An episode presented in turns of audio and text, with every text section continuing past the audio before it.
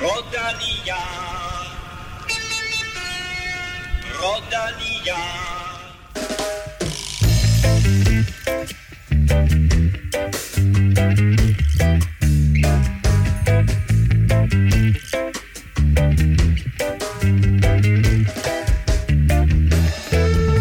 Dette er faktisk en ekstra udsendelse, men da vi både har fået sæsonens første danske sejr, og Matthew van der Poel blev historisk til Cross-VM, så hoppede vi alligevel til mikrofonerne. Og lidt senere, ja, der kan du også høre fra kulturminister Jakob Engel Schmidt, når vi skal tale om det danske bud på VM i 2029, der blev offentliggjort inden forgangne uge. Og med det, velkommen til mine to faste cykelministre, Kim Plesner og Stefan Djurhus. Tak for det. Og Stefan, ikke en Villeuropa podcast uden en dansk sejr.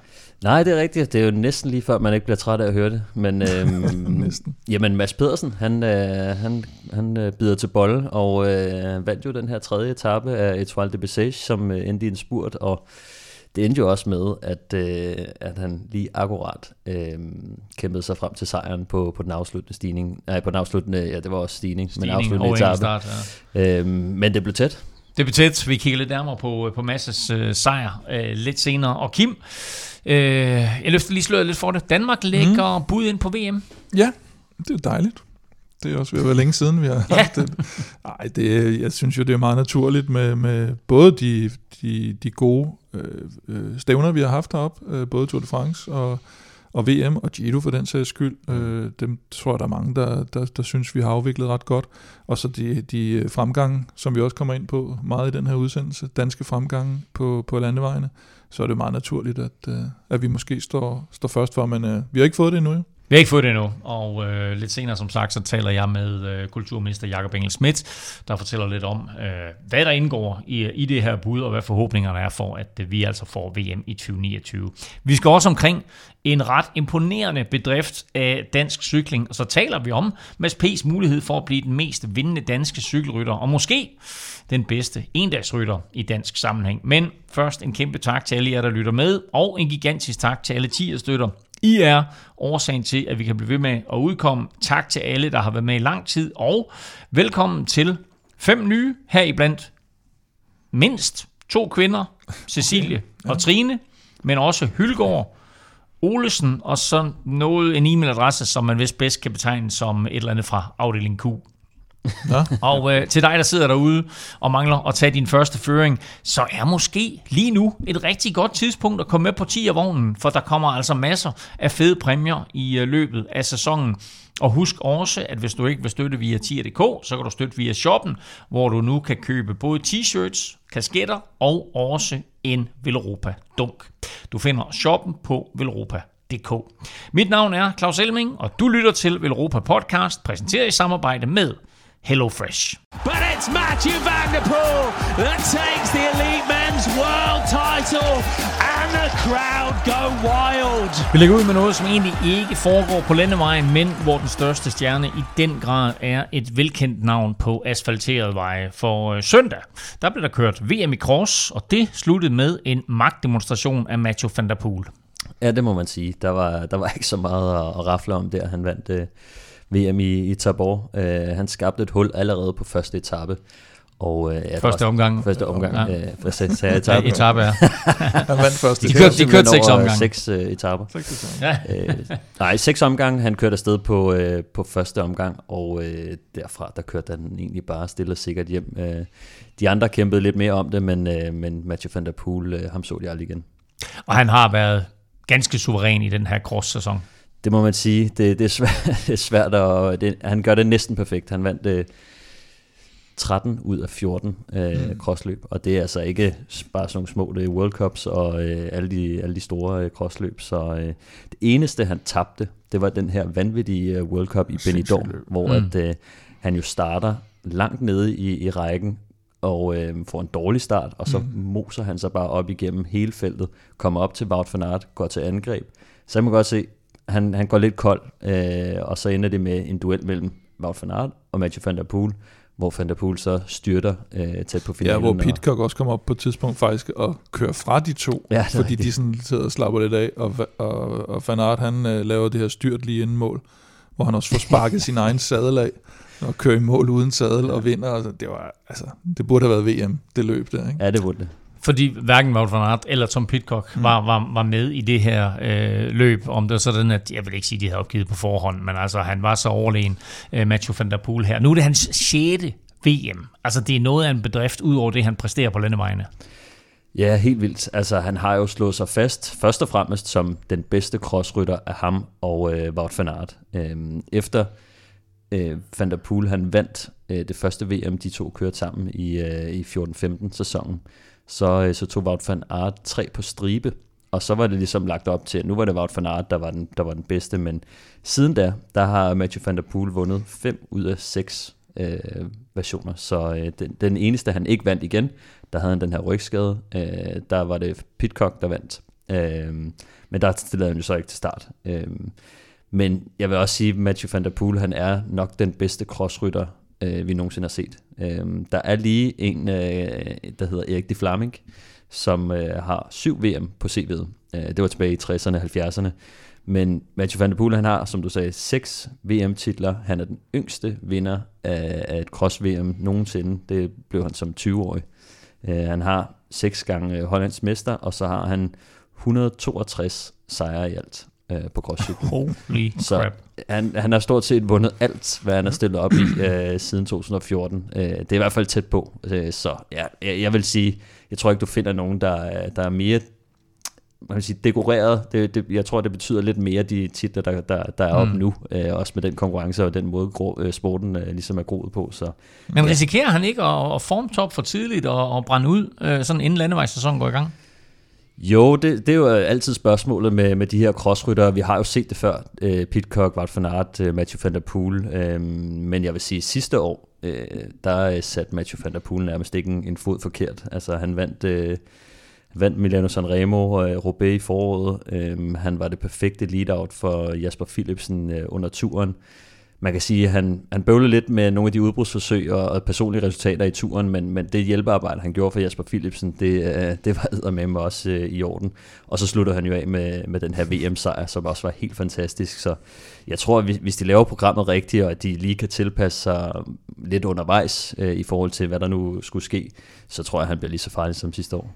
Jeg håber, han, øh, han ikke kopierer 22 sæsonen så meget i hvert fald. Der var, han, der var han lidt mere... Eller der starter han jo også ud med som, som lyn og torden med, med, med Giroen. Jeg tror, vi har været inde på den etape et par gange før i Ungarn, hvor, hvor det er mest fordi det der Caleb Ewan øh, styrter og nærmest ikke har vundet et cykelløb siden. Et, Taber et, et, vigtigt øh, et, et tab af karrieren, hvor han jo vinder foran øh, Girmay og Pello Bilbao og Magnus Kort.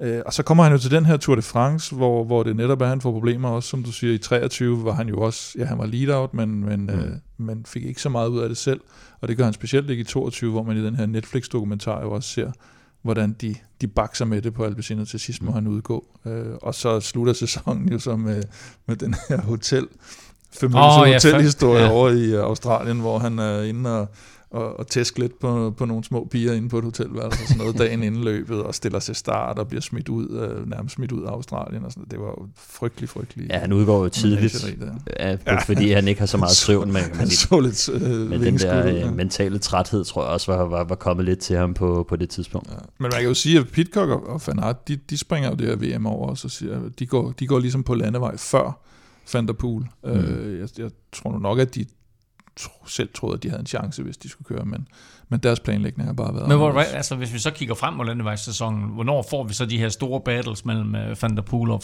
og Van Aert? Det er faktisk lidt svært at sige på nuværende tidspunkt, fordi at øh, indtil videre, så øh, ja, vi har øh, stort set hele Wout van Aerts øh, kalender frem til, til Giroen i hvert fald. Øhm, og det store spørgsmål, det er, øh, kan man sige, det første spørgsmål, det er Omloop Het Newsblad og Kørende Bruxelles Kørende, der jo kommer om Tre uger tre uger allerede, ikke? 24. og 25. februar. Så, øh, men rygterne det gik sådan, jeg har læst nogle forskellige ting, øh, men det første jeg læste var, at øh, Mathieu van der Poel ville følge sin øh, 2023 øh, opskrift, hvor han startede med Strade Bianche 2. marts. Så vil han køre Tirreno øh, kort efter, og så øh, Milano Sanremo. Øh, og der er ingen af de her løb, hvor øh, Wout van Aert han, øh, han skal køre. Øh, så ingen, Han er blevet ingen træt af sofaen i Malaya Sanremo. det skal han ned ikke og sidde igen. ikke. Øhm, men så, så læste jeg faktisk lige i dag, at øh, Het Newsblad, de har været ude med et rygte om, at øh, han måske først starter i Milano Sanremo. Øh, og så vil han køre forårsklassikerne, og så måske vende tilbage til Liège-Bastogne Liège, hvor han øh, faktisk kun har kørt én gang, og det var så coronaversionen i, i 2020, hvor han øh, blev nummer 6. Men øh, hvis jeg skal svare på spørgsmål, som du stiller mig, så, øh, så der hvor de øh, realistisk set øh, nok først mødes de to, det er i, i optakten til Flandern rundt. Der er jo de her E3 Harlebække, Gent Wevelgem og Dvarstorf Flandern. Øh, alle sammen skal, skal Wout van Aert øh, køre. Øh, Matthew van der Poel kan jo rigtig lide uh, Gent Wevelgem, øh, og der har de også Jasper Philipsen, så, øh, så den kører han nok ikke. Jeg tvivler også lidt på, på Dvarstorm, må jeg sige, men E3, Øh, der har han gjort det godt før, mm. og øh, det vil være en øh, rigtig god måde, øh, og, og meget sådan en Flandern rundt-agtig version. Øh, så jeg kunne ja, godt forestille mig, at, øh, til ja. at E3 bliver det første, og så selvfølgelig Flandern rundt og, og Roubaix mm. bagefter. Så det, det er nok, vi bliver nok nødt til at vente lidt. Ja, ja, men vi, øh, vi, vi glæder os til de store battles, og så må vi se også, øh, hvem, hvem der byder sig til. Vi ved jo, at sådan en som Pogacar har meldt fra til, til mange af de her løb mm. i, øh, i foråret. Vi havde jo selv unge Albert Philipsen med i juniorrækken med håb om, at, øh, at han kunne vinde VM her også. Han går stort set og, og vinder alt, han stiller op i. Men øh, hvordan gik det, Kim? Ja, men det gik, at set ud fra, hvad vi er vant til med ham, så gik det jo ikke så godt, men, øh, men han bliver trods alt nummer 5, og, han, øh, og det skyldes jo i hvert fald også, at han startede helt nede i, i tredje række, så allerede på første omgang, de kørte jo fire omgange i modsætning til, til de voksne, så allerede på første omgang, hvor han skal ligge og kæmpe sig op, der har han, der har han måske mistet omkring 30 sekunder til, til de forreste, der, der lå og duellerede der, og så, øh, og så på et tidspunkt, så er det, han, han øh, øh de sagde jo også, at, øh, at han vil, øh, efter 20 minutter cirka, så vil han begynde at sætte, øh, sætte gas på. og det kunne man også se, han overhalede en række hollænder og belgier og, og franskmænd, der lå, der lå på nogle sekundære placeringer, kører sig op fra nummer cirka 11 til, til 5 derinde for, for, på, for det midterste løb. Men så kan man også se, at altså, træerne vokser ikke ind i himlen. Det var en meget mudret rute, hvilket heller ikke var til hans fordel. Så det var, altså, det var næsten mission impossible at, at få kørt sig helt op i, i toppen. Selv for, selv for en Albert Philips. Ja, jeg vil også sige, altså, han starter i tredje, tredje startrække, og øh, der, er, altså, der er jo otte i hver række, mm. så øh, som der er minimum 16 mand foran ham. Øh, og, hvad, og hvorfor, det er fordi, hvorfor er det, han starter Det er fordi, ja, fordi det, han ikke har kørt alle de her crossløb som de andre, så får du sådan en seedning mm. i forhold til, ja. hvor mange løb du kører. Så dem, der har kørt de her crossløb... Øh, og der er det ikke nok, at han kommer sådan, tror jeg, der er fyldt med VM-striber. Nej, nej, det tæller, ikke, det tæller ikke så meget. Så, okay. så det var også ligesom de... Den må han jo heller ikke køre. The usual suspects, der, der, der lå og kæmpede om sejren. Ja, sådan. Det var lige øh, en, øh, en hurtig opsamling på øh, VM i cross. Og så skal vi fra cross til Quizzen!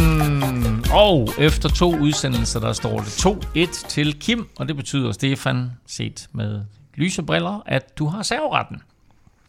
Ja. Og øhm, vi øh, holder fast i, øh, vi har faktisk ikke rigtig øh, talt om den øh, endnu, men øh, vi holder fast i uh, Besage og øh, øh, det her løb, som uh, Mads P. Øh, jo øh, vandt i weekenden.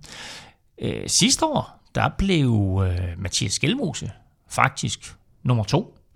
Og øh, hvad hedder han? Skilte, hvad hedder han? Tom Skilte er også er blevet nummer, eller Michael Skelte. Nej, nej, det var, det var, det var, blanding, det var blanding af Tom Brachel og, og uh, Michael Skelte. Michael Skelte er blevet nummer to også. Mm-hmm. Men tilbage i 1988, der blev Søren Lilleholdt nummer tre. Mm-hmm. Men hvem vandt Etoile de Bessage det år? Hvad, hvad, hvad, er det? Hvad, hvad, hvad er reglen egentlig i quizzen? hvad snakker du om? Hvornår er det, vi går tilbage? Det synes jeg, vi har, vi har snakket om. Ja, jo, men der er også noget af inflation og sådan noget. Ja. Og, og, og, du er også ved at blive så gammel, du er ved at blive så gammel, at vi går længere tilbage. Ja. Du går, så, så, så du hvert år går du et år Så du bestemmer selv, om du vil svare først, eller du vil lade Kim svare først. Hvad siger du? Skilte, han blev... Tom Skilte. Han, Skilte, han, Tom, Tom Skilte, han blev... Øh, nej, øh, Tom Lilleholdt. Michael Skilte blev, blev toer på et tidspunkt i 90'erne. Øh, Lilleholdt blev treer i 1988. Men hvem vandt løbet ja. i 1988? Godt. Hvem vandt? Jeg tror, det var i 1988. Ja. Det var ikke en dansker, kan jeg så forstå. Det, det er ikke umuligt. Nå. Nå.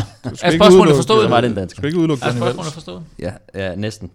Så har jeg kun én ting til jer to. Og dig, der sidder og lytter med. Lad nu være med at google.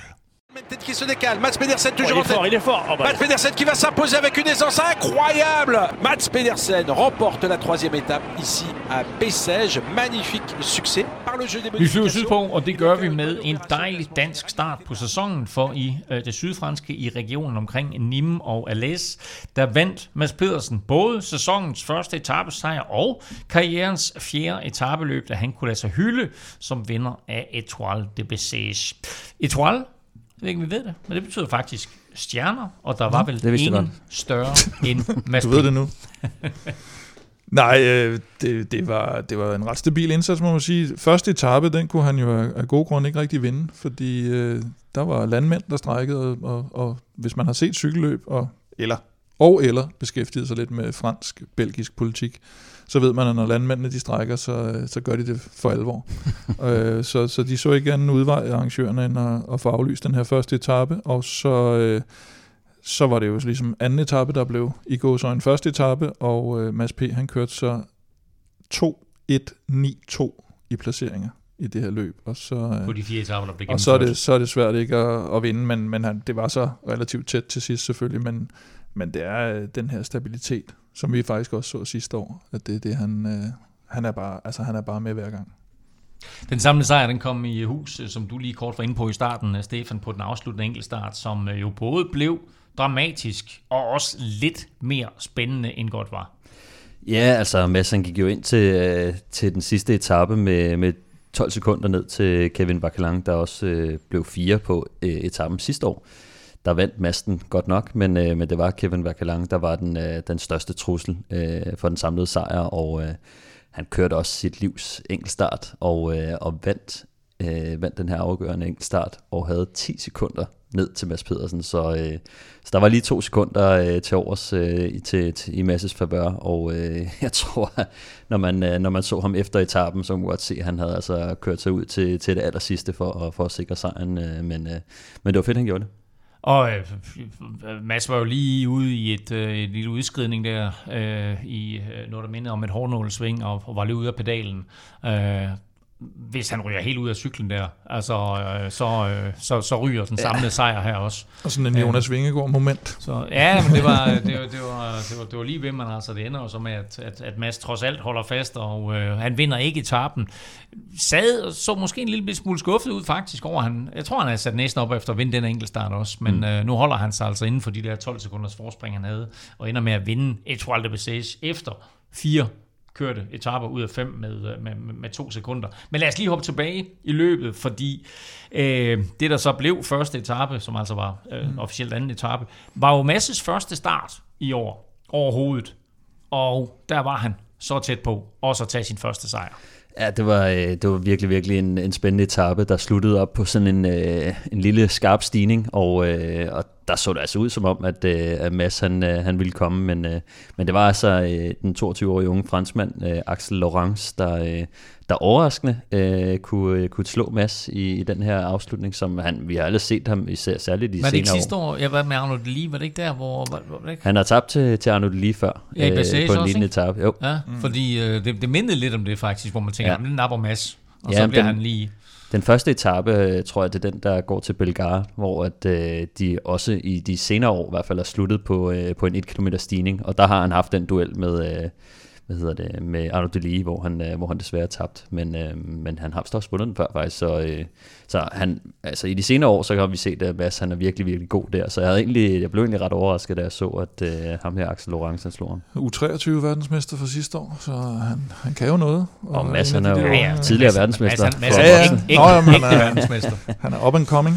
Det er. Etappesejren kom ikke her. Øh, tydeligt skuffet Mads P. i mål, og den skuffelse, den tog han så med sig til dagen efter, fordi der smadrede han alt og alle, og så kom årets første sejr til Mads, og han var overlegen. Ja, det må man sige. Altså, nu, det var også en mere regulær spurt, ikke? og, og uh, hans uh, trackhold, de, de gjorde et rigtig godt stykke arbejde, især uh, Alex Kirsch, og uh, fik leveret ham uh, super godt. Så da man så, at det var Mads, der åbnede ballet med, med 200 meter til mål, så, øh, så er han altså svær at komme forbi, og det var der altså heller ikke andre, der kunne. Ja, når man så det der 200 meter skilt ude i siden der, og så tænker jeg, okay, det er der, han... Ja, den, altså, jeg, den kan. Nogle gange, når hvis han åbner tidligere end 200 meter, så kan man godt være sådan lidt sådan, uh, den er lang. Altså ja. det, det, normalt, når man åbner 200 meter før, så, så har man dummet sig. Mm. Men når Mads han gør det, så bliver det altid sådan en, hvor man lige... Hvor man, lige man, har set, man har set, at der er andre, der ligesom siger, åh oh, nej, Ja. Ikke? Altså, skal, skal du virkelig begynde nu? Og så, ja, og så. Det, er jo, det er jo meget få uh, sprinter, der kan klare det der. Altså, vi har set, uh, jeg tror det var Petaki, han var ret kendt for at lave sådan nogle 250 meter spurter, mm. men uh, han kørte også uh, lidt, lidt andet gear, tror jeg dengang. Men, uh, men altså, det er sjældent, at man kan holde så længe, så, men det er bare, masserne er jo ikke en klassisk sprinter, som, som har det der voldsomme antrit og... Mm. Uh, og manøvrerer godt rundt og sidder i slipstrømmen, som man ser en Cavendish, Caleb Ewan øh, eller andre typer. Nej, det, men... det ser jo nærmest ud som om, at de andre ligger og spurter sådan lidt bag ved ham. Ja, altså han er ja. den der med det store vingefang, der ligger ude foran, og det tunge, ja.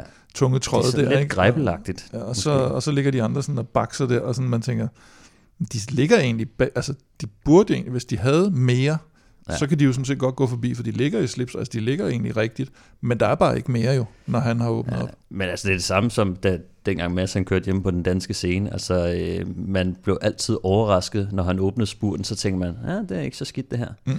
og så sådan, du kan bare ikke, altså du kommer bare ikke ud af hans baghjul. Øh, så, øh, men, men ja. Det, det er også et decimeret felt, så, så uh, Trek havde jo kørt den her etape så hårdt, så, så jeg tror ikke, de kom mere end 20-30 mand til mål sammen. Mm. Uh, og så har Mads nok også kigget sig omkring, og så har han tænkt, der er ikke nogen, der slår mig uh, i dag. Uh, og ganske rigtigt, det var der ikke. Og uh, hvis I sådan lige nu kigger både på den her etappesejr, men også det faktum, at han vinder løbet samlet, hvor I så sige, at, at Mads står lige nu? Jamen altså, han, står, øh, han har et rigtig, rigtig godt udgangspunkt jo. Altså, Bessage er jo lidt blevet, øh, blevet hans løb. Øh, han vandt første etape, som jeg også lige var inde på før, i, i 2022.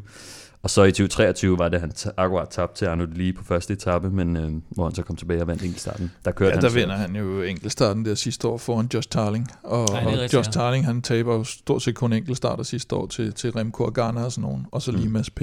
Men det var, øh, der har vi ikke rigtig hørt om Josh Tarling på det tidspunkt. Nej, der, var, der havde han ikke fået de der mesterskabsresultater endnu. Øh, men jeg tror også det der med, at man har et, et løb, man er meget komfortabel ved.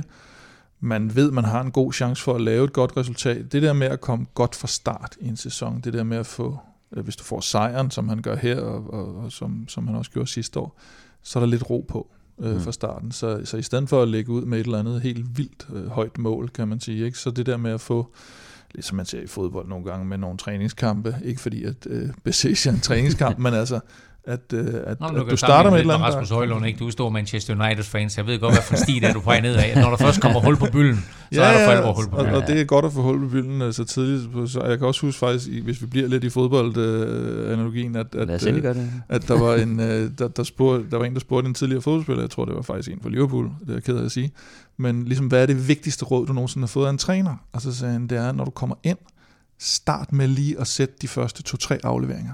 Lad være med at lave dem øh, kompliceret, men det, at du kommer godt fra start, så vil du næsten alt andet lige også spille en bedre kamp, i stedet for at du laver et eller andet øh, tre forsøg på at lave den der fantastiske aflevering lige i starten. Og her der er det også lidt sådan, det er jo ikke verdens største løb og sådan noget, men hvis han er komfortabel der, han ved, det virker den her sæsonstart, han ved, han kan lave et godt resultat, han får typisk godt resultat, så tror jeg også, det er nemmere bare at, at køre den. Og, og det er tre gange, øh, tre gange tilbagespilning til keeperen. Ja, så, så er vi med. og så har du publikum på din side. Så håber han ikke tager den op i hænderne. Nej, jeg, for lige at gå tilbage til, til Mads, så, så tror jeg også, nu har han jo flyttet til, til Schweiz, som jo også øh, skifter scenen lidt ud. Øh, så, øh, så det er også godt at se, at, at der ikke er noget, der har ændret sig. Nogle gange, når man flytter lidt mellem øh, de forskellige mm. klima, så, øh, så kan man sige, han, han er jo lavet til at præstere i, i det koldere øh, terræn, kan man vel godt øh, sige, og, øh, og mm. det, det kan han stadig heldigvis, øh, men, øh, men nogle gange så ser man, hvis man flytter langt syd på, at man nogle gange mister lidt den der evne til at virkelig at være på, øh, når det er dårligt vejr. Ja, så ser du også nogle personer, som sådan rent mentalt måske ikke rigtig kan øh, forlis med det der med at skulle et andet sted hen, eller mm. man slækker lidt på, øh, på, på professionalismen. Det er ikke sådan noget, man sidder og frygter med Mads P. Jo. Og øh, altså, det er sådan nærmest uanset, hvor han er henne af, så skal man nok være sikker på, at der er blevet kørt de ja. kilometer, der skal køres, og at han er super professionel indstillet. Hvor I to I får lov til at snakke meget mere om Mads P. Øh, lige om lidt. Men først, der skal vi lige snakke Helle F. Aftensmad. Stressende indkøb i ulvetimen. Ingen tid til et hjemmelavet måltid. Med HelloFresh er oplevelsen anderledes. Du får enkle opskrifter og lækre retter, som hele middagsbordet elsker. Skræddersy din måltidskasse på hellofresh.dk for friskende enkelt. HelloF eller Hello Fresh. Uh, vi skal stille måltidskasser, uh, for nu kan du nemlig spare hele 1.199 kroner, hvis du vil prøve Hello Fresh. Gå ind på hellofresh.dk og brug koden HF Velropa. Øh, uh, Hello Fresh er, som øh, sagt, altså måltidskasser. Sund og varieret kost, masser af forskellige muligheder, masser af forskellige opskrifter, og du kan prøve fem uger nu med en rabat på helt op til, ja, altså små 1.200 kroner, så hop ind på hellofresh.dk og brug øh, koden uh, HF Velropa. Øh, Kim, der er noget med, at øh, du har prøvet noget nyt i den forgangne uge, eller hvad? Øh, Jeg skal prøve noget nyt åbenbart Nå, det i er den den her uge. uge, ja. Øh, Jeg fik leveret i går aftes, og øh, da jeg så pakker ud, så ser jeg lige pludselig, der er sådan en pose med sådan noget. Jeg tænker, hvad, hvad er det for noget, der ligger der? Det synes jeg ikke, jeg havde bestilt. Så tænker jeg, gud, kan jeg vide, om jeg simpelthen har fået en forkert, øh, en forkert pakke? og så øh, kigger jeg opskrifterne igen, og det ser sgu rigtig nok ud. Så kan jeg godt se, at jeg kommer til en pastaret, hvor der så står noget med noget øh, plantebaseret halløj. Og tænker Det er jo lige dig. den har jeg da lige overset egentlig, men øh, så er jeg jo nødt til at prøve det. Så, Sådan. så det var faktisk ikke ved, at jeg ikke havde fået valgt. Nej. de forskellige, men jeg har simpelthen valgt... Øh, Du har valgt I gåseøjne og, forkert. og så ikke lige tjekke, at der står plantebaseret. ja, så, Så- så. Så, er jeg råd på den vogn, jo, så er jeg blevet veganer. Vil sige, det står altså med store fede typer op foran. Det så- tror jeg, det gør. Ja. Helt sikkert. Men, øh, men jeg har prøvet øh, op til flere plante, plantebaserede retter, ja. Og øh, jeg synes faktisk, at øh, de er rigtig gode. Øh, jeg har ikke prøvet den der, men jeg har prøvet en med noget burgerværk. Øh, og så videre. Burgerværk. Ja, man kan godt få en, en plante, okay. okay. planteburger. Øhm, Stefan, øh, en af de fede ting, det er også, at øh, man slipper for, også når det er sådan noget pisvær som der i øjeblikket, at man slipper for at gå ud og, og handle.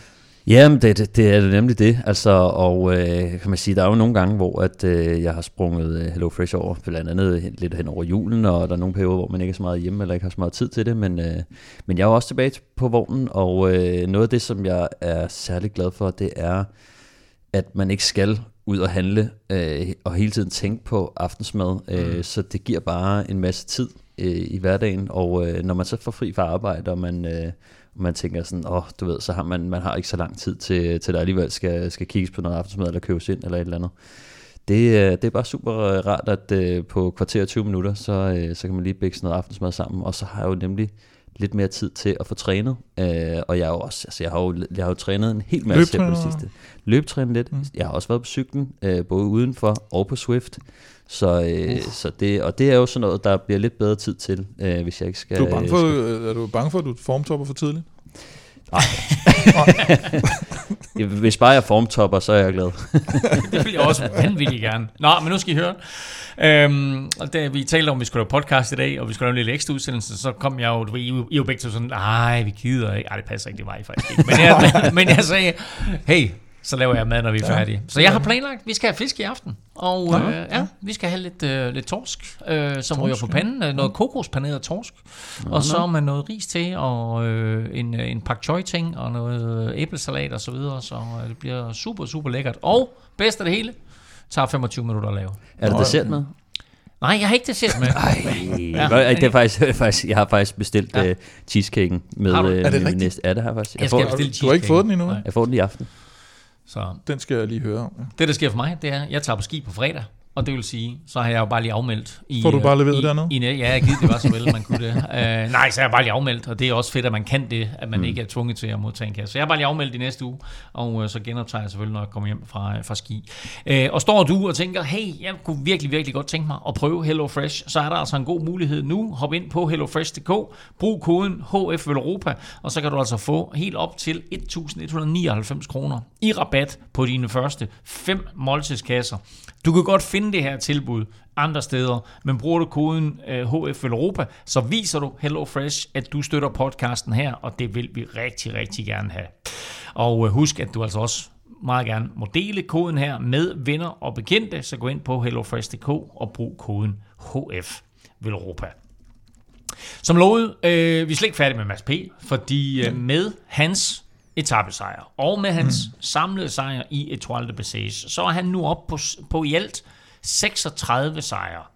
Og Rolf Sørensen er jo den danske cykelrytter, der har flest med øh, 51 eller 52. Cirka deromkring, ja. 51 eller 52. Ja. Det, er faktisk, det er faktisk lidt usikkert, om det er 51 ja. eller 52. Jeg er sikker på, at Rolf han siger 80-90 stykker. Ja.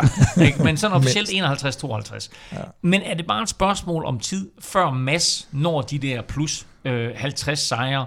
Øh, og kan han overhale også sådan i vores opfattelse, øh, Rolf Sørensen, sådan i, i ansigelse som, som den bedste endagsrytter nogensinde øh, med dansk pas?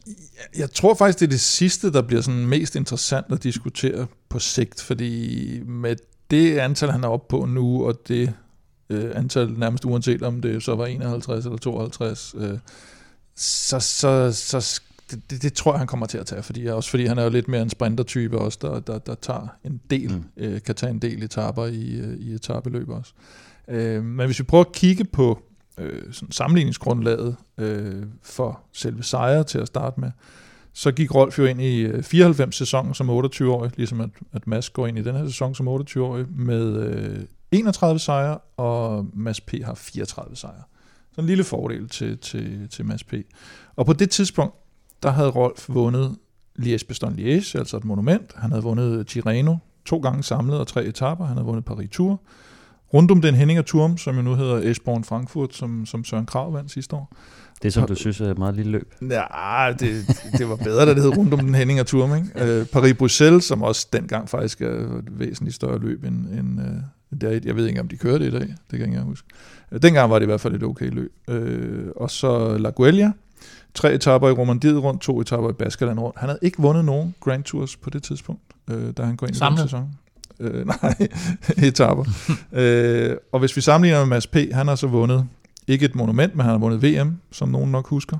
Han har vundet Gent Wevelgem, han har vundet Kyrne, han har vundet det her Bemer Side Classic, som han vandt i går nede i Ham, ikke i går, men sidste år nede i Hamburg. Så har han vundet tre etapper i Vueltaen plus pointtrøjen, to etapper i turen, en etape i Giroen og to etapper i Paris-Nice. Så jeg vil sige, Mads P. er klart foran på point. Øh, man, hvis, hvis, hvis vi siger, ligesom den står 1-1 med det her VM og monumentet. Øh, altså Rolf har jo to monumenter.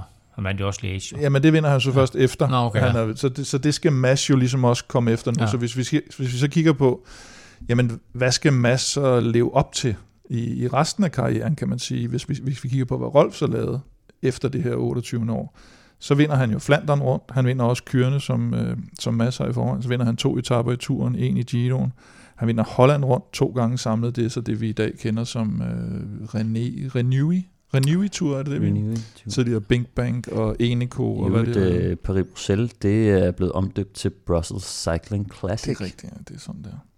Øh, og så vandt, ja, det vandt han så en gang mere, i øvrigt, ligesom La Guelia, og han vandt tre etapper mere i Tirreno, og han vandt en etape i Baskerland rundt.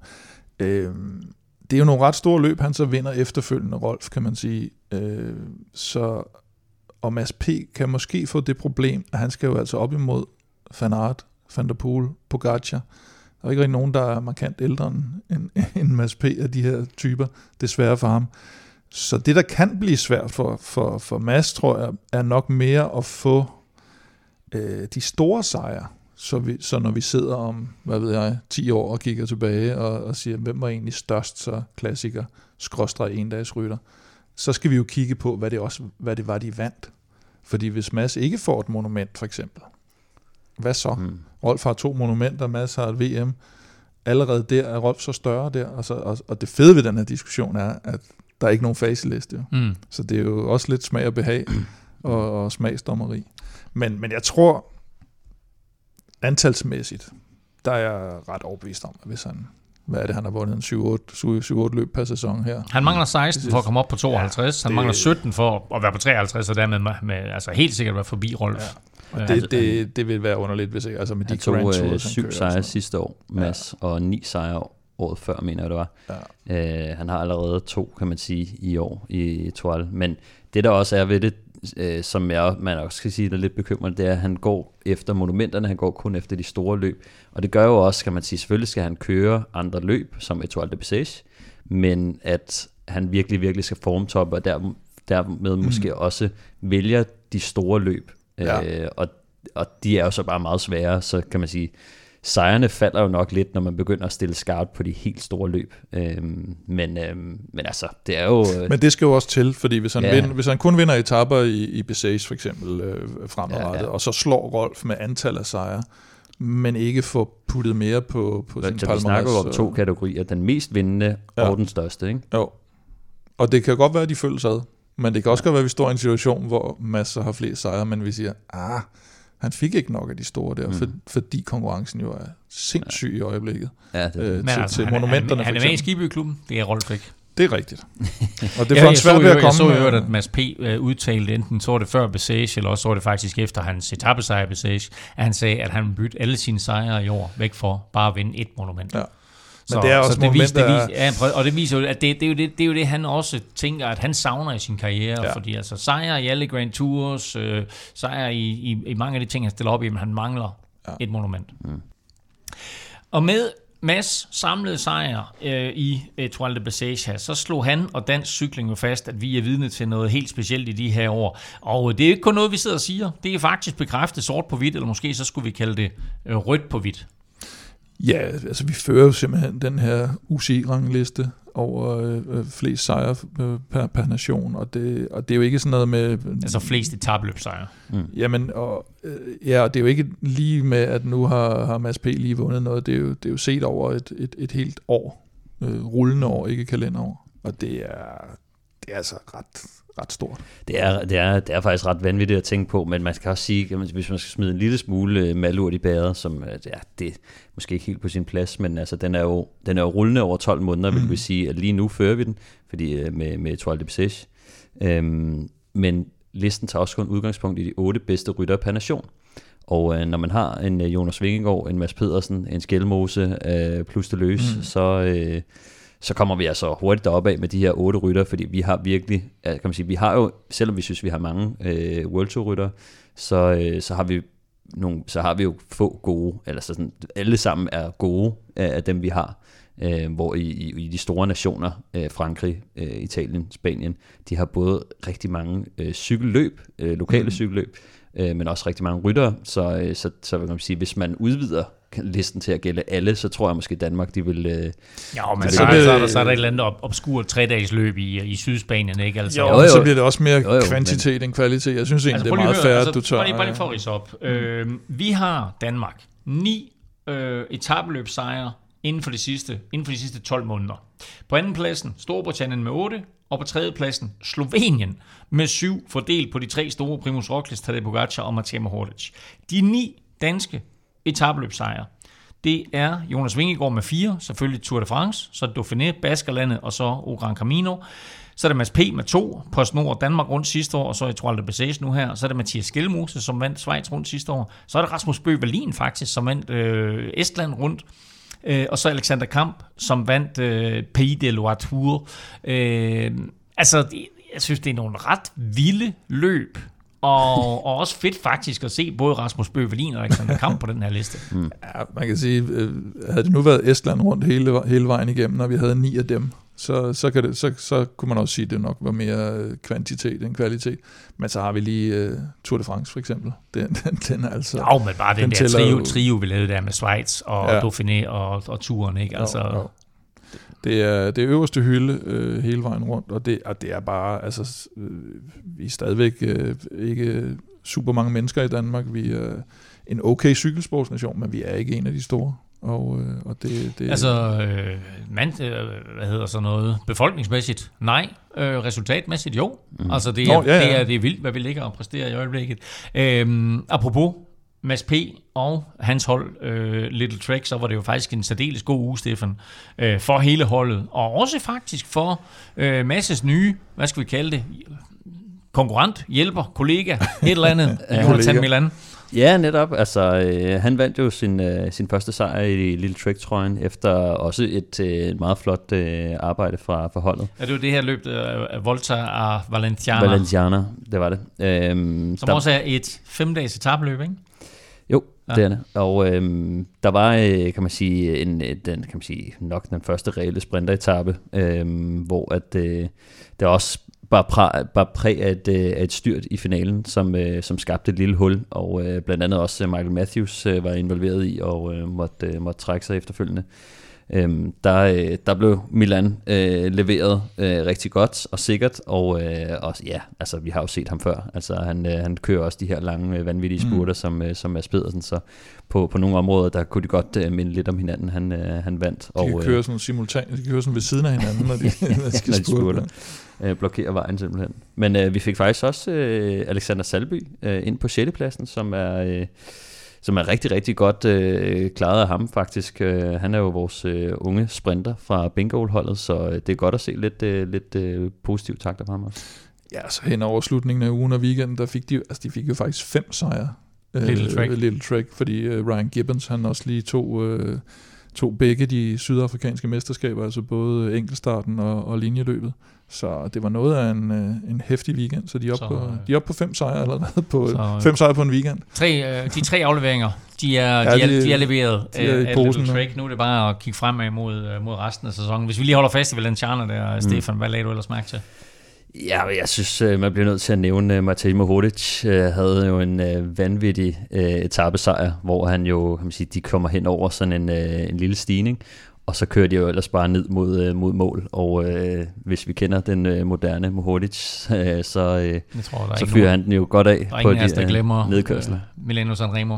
Ja, præcis, og det var jo, det var jo noget nær øh, derhen af. Måske lidt mere sikkert, men, øh, men han kørte fra alle på, på nedkørslen og tog en rigtig flot sejr på den her anden etape. Ja, så synes jeg også, vi skal ikke glemme ham her, Will Barta, amerikaneren fra, fra Movistar, som jo vinder sidste etape, snyder sprinterne, holder lige nøjagtigt hjem og vinder sin første sejr øh, i, i karrieren som, som 28-årig. Fyldt 28 her i januar. Vi har nævnt ham et par gange, men uh, Han er mere sådan tempo, Ja. tempo ikke specialist måske, men kører nogle fornuftige, kører nogle kan godt køre nogle uh, gode enkeltstarter Ja. i, i Grand Tours og sådan noget. Uh, så, så, så det var sådan en, uh, en publikumsfavorit sejr der.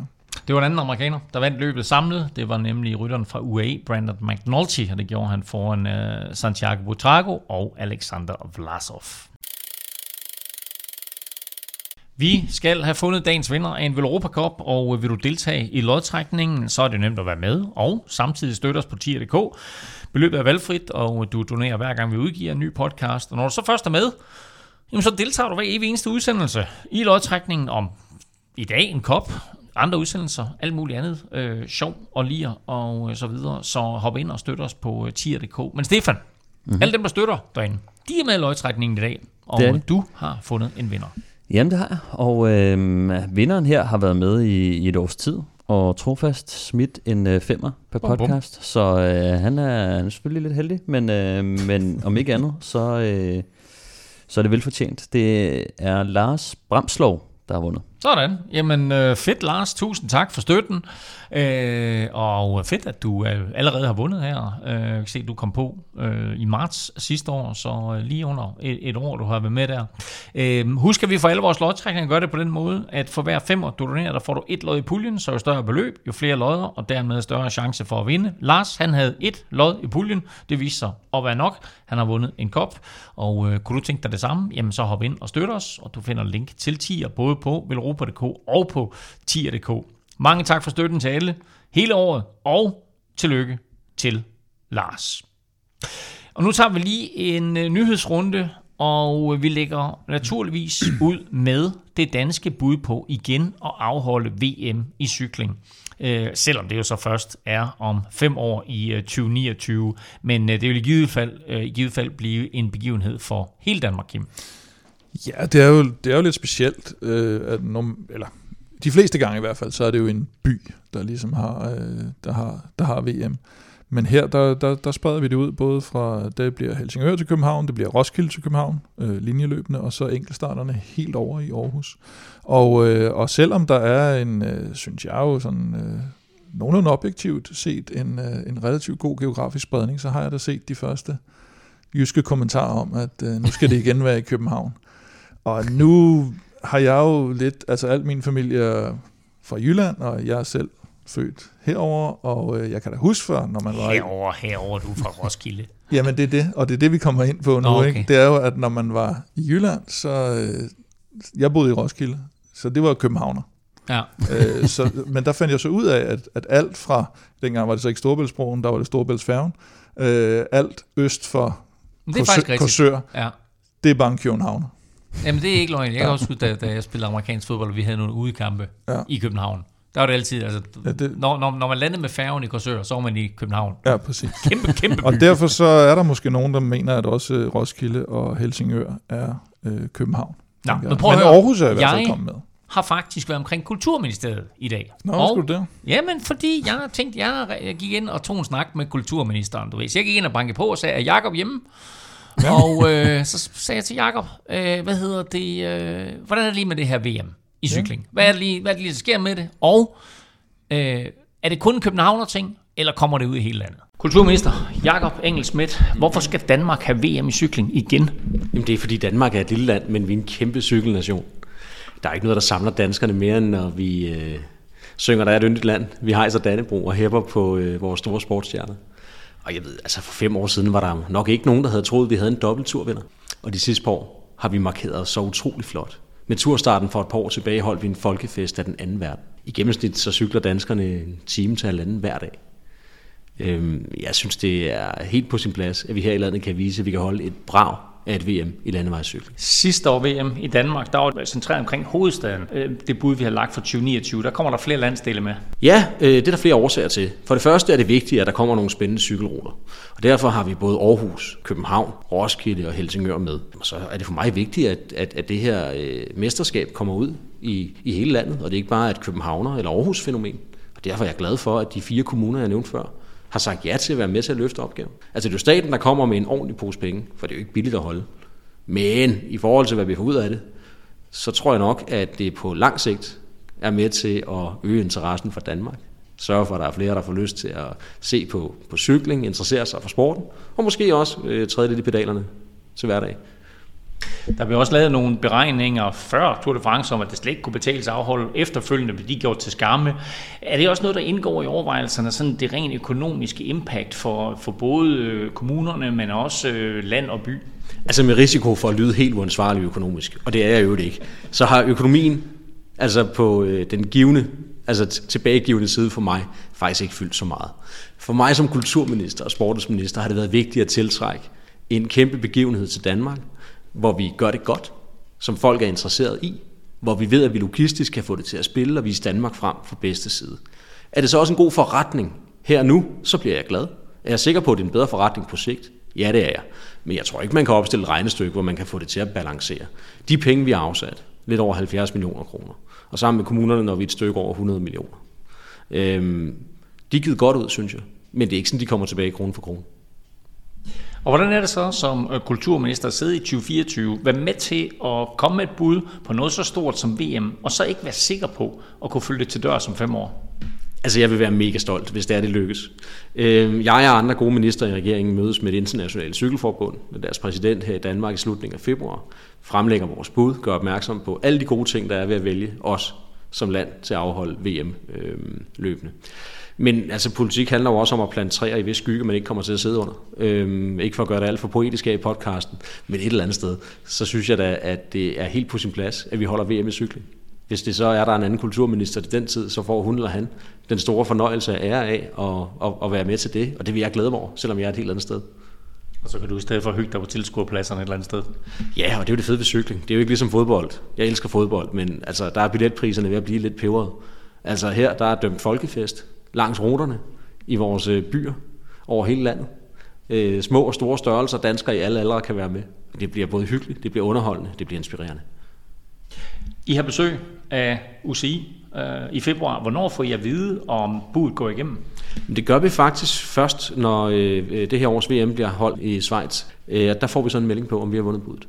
Jeg havde fornøjelsen af at rejse til Glasgow sidste år, sammen med Torsten Poulsen, for øh, med egne øjne at besigtige, hvad er det, øh, man forventer? Hvordan kan man leve op til de krav, den internationale cykelunion stiller til, til byer og lande, der gerne vil være vært for det her? Og selvom det var et rigtig flot VM i Glasgow, så er jeg helt sikker på, at vi kan gøre det minimum lige så godt i Danmark. Og hvad har I lært af det, og hvad har I gjort sådan for, at det danske bud skal øh, overgå alle andre landes bud?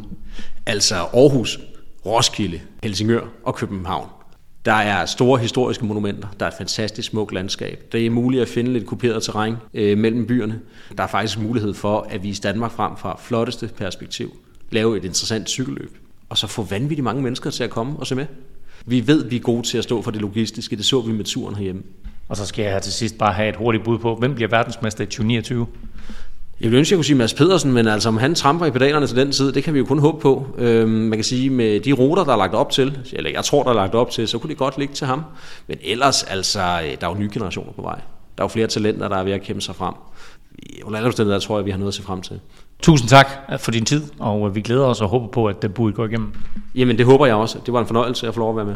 Jeg ved ikke, hvad, hvad siger I til det? Jeg, jeg synes, det lød for mig som om, at øh, Jakob Engel Schmidt her, han vidste noget om ruterne, som han ikke vil sige, fordi øh, ja. øh, Danmarks Cykelunion og, og øh, diverse minister har jo ikke vil øh, sige noget om, de har bare sagt, hvad, hvad byerne var, men ikke, at der var lagt, lagt noget som helst fast omkring ruterne, men var han lige ved at røbe noget omkring, at... Det kan godt være, de skal op omkring det, Bursø eller et eller andet. Du har svært ved at finde terræn på Sjælland, der ikke ligger til, til Mads Pedersen. altså så langt ved at... Så langt ved ja, ja, men altså om fem år, der kan, hvem ved, altså, er det Albert, vi snakker om? Er det Albert Philipsen lige pludselig? Mads er jo ikke andet end, hvad bliver han? 33, 33 34 stykker, ikke? Jo, jo. Det, det kunne... Er han sådan nok det er sådan Christoph going ja, strong, ikke? Det kunne, ja. godt, det kunne godt, men det er klart, at Albert, Albert Philipsen er dårlig rundt i de 20. Der. Andreas Lund for eksempel, han er jo vores øh, nye sprinter. Ja, det er rigtigt. Og altså Andreas Lund? Andreas Lund? Ja, ikke Nej, Anders. øh, Nej, ikke Anders Lund Andreasen. Tobias Lund Tobias Lund Andreasen. Andreasen. Er det det? Er tæt på. Anders Lund er den Det kører godt for mig i dag. Nå. Tom Skilte. Nå, prøv at høre. øh, alle sammen spekulationer, men Ja. fedt lige at have kulturministeren med her til at sætte et ord på, øh, på VM-budet, som vi jo så ikke ved, øh, om øh, går igennem før der i, øh, i september. Til gengæld så ved vi, at Al Tour er kørt. Stefan, fem etapper med Simon Yates som samlet vinder.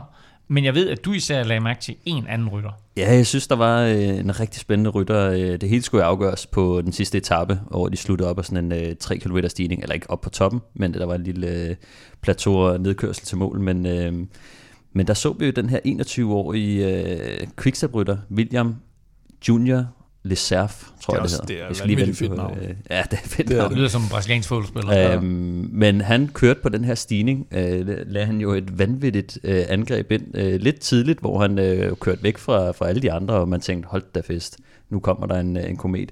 Øhm, han blev lige hentet på toppen af, af Simon Yates, Finn Fisher Black, som jo også øh, kører vanvittigt stærkt mm. i øjeblikket, og Rafael Maika.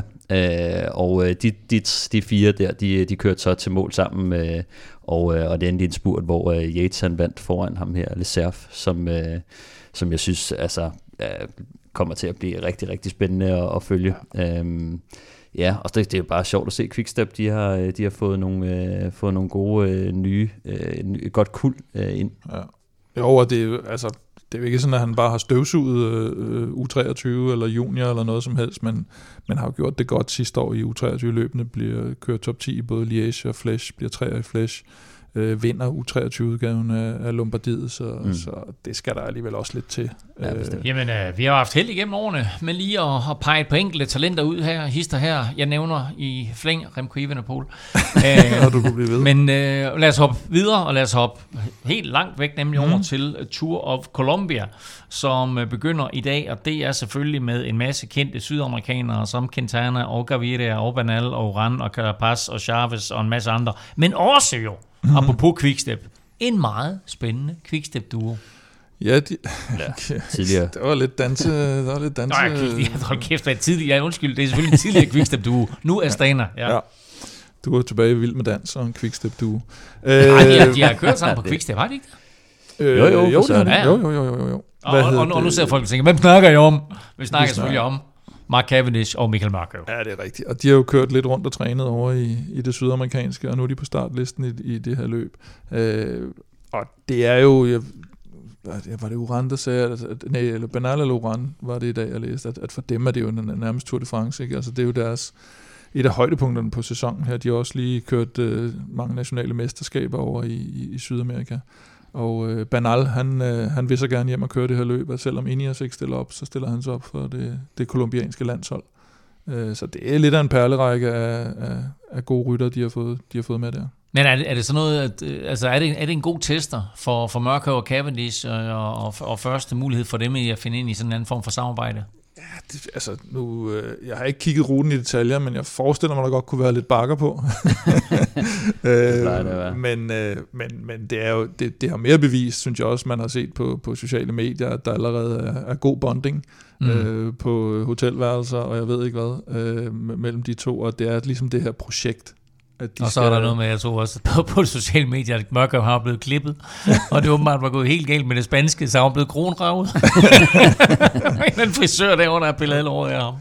What happens in, what happens in Colombia. Og de har også, øh, jeg mener også, de har Kees Bole med faktisk, så, så det er lidt af et, det er, et, et lead-out. Det er den gyldne Astana-trio. De starter tidligt i hvert fald i forhold til det her, og det, det skal vi måske også lige sige, selvom vi har sagt det mange gange, at det er jo det her Tour de France-attentat på uh, Eddie uh, etaperekord, de, de, der er den store målsætning. Så, så det begynder her. De kører lidt uh, bjergtræning for at komme i, ja. i form til, uh, til spurterne. Vi slutter af uh, den her nyhedsrunde uh, med noget lidt mindre flatterende, nemlig øh, ny dopingmistanke i feltet. Ja, der har jo øh, der har været kørt de her sager, som blandt andet har, har inkluderet Miguel Angel Lopez, når vi snakker kolumbianere, men, men nu er der også kommet sådan lidt mere europæisk øh, perspektiv på, på en, en dopingserie. Ham her, Frank Bonamour, som øh, jo var mest øh, angrebsivrig i turen i 2021, han, øh, han har måske også været lige lidt, lidt angrebsivrig, når det gælder de forbudte stoffer der.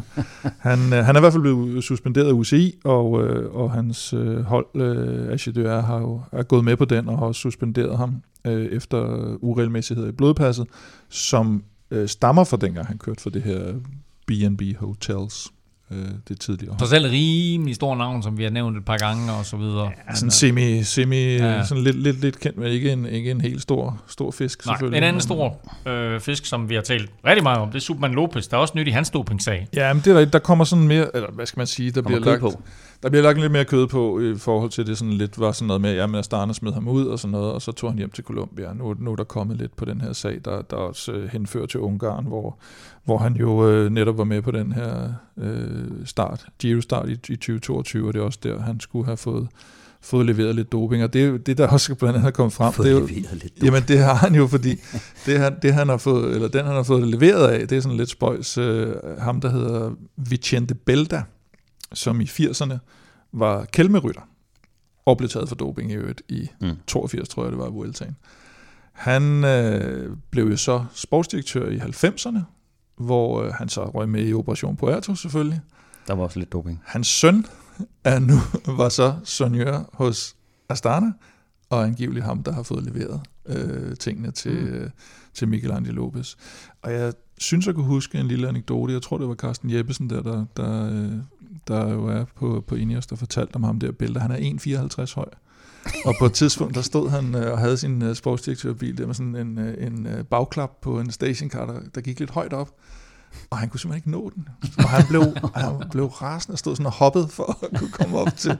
Og det kan jeg bare huske, at han, øh, det, det, det, det minde, jeg har om ham fra, fra 90'erne, der, der, der, den der dopingsag kørte. Men det, det ser ikke alt for godt ud. Han har ikke kørt et cykelløb siden øh, sidste sommer, Lopez, og øh, så var der den her sag med, med, med hans øh, kidnapning, eller var det, som hurtigt gik i sig selv. Oh, det var også noget mærkeligt. Var det ikke, var det ikke Mikkel Lopez, der vandt de der 9 ud af 10 etapper i et eller andet? Jo, jo, han vandt, han vandt jo alt, efter han tog hjem til Colombia. Ja. ja, ja, jo, jo. Men nu kører han ikke engang i Colombia mere, så nu... Øh, det er Ingen spørgsmål, gang de vil, vil røre Nej. så, så, så, så ved man det står Når holdet for Medellin, eller hvad det hedder, derovre, ja, de ikke vil, ja. vil røre. Jeg vil sige det med måde, øh, I kan hoppe og danse lige så meget, I vil. Ja. En dag også tage doping. Jeg tror ikke, at det hjælper i det, vi skal til nu. For nu skal vi have fundet vinderen af quizzen.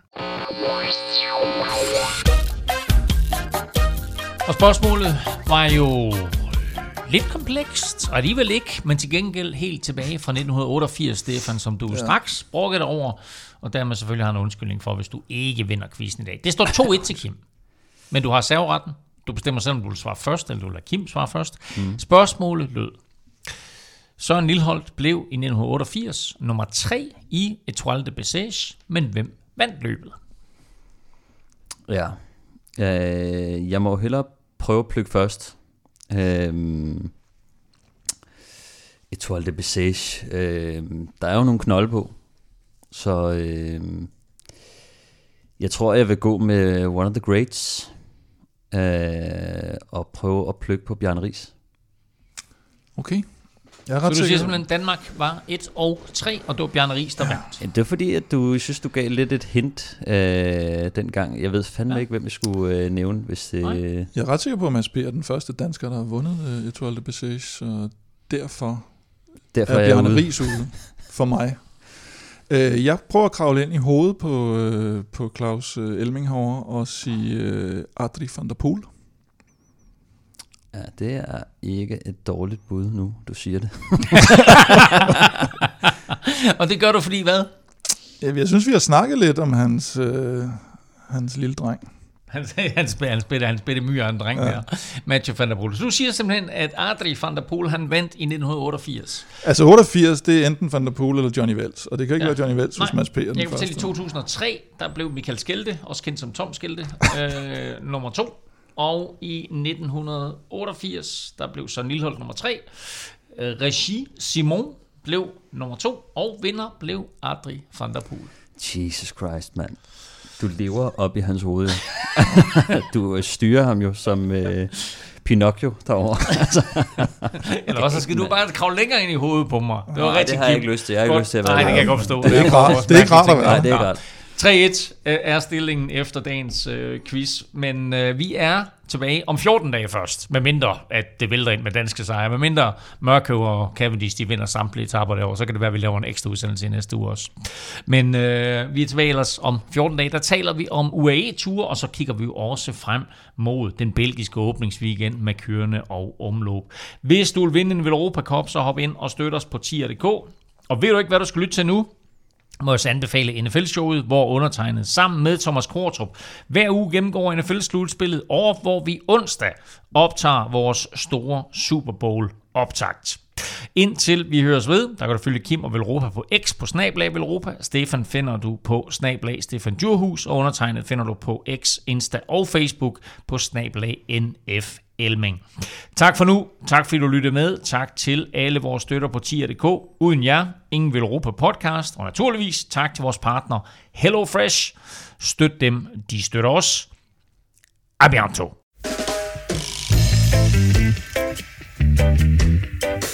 Thank you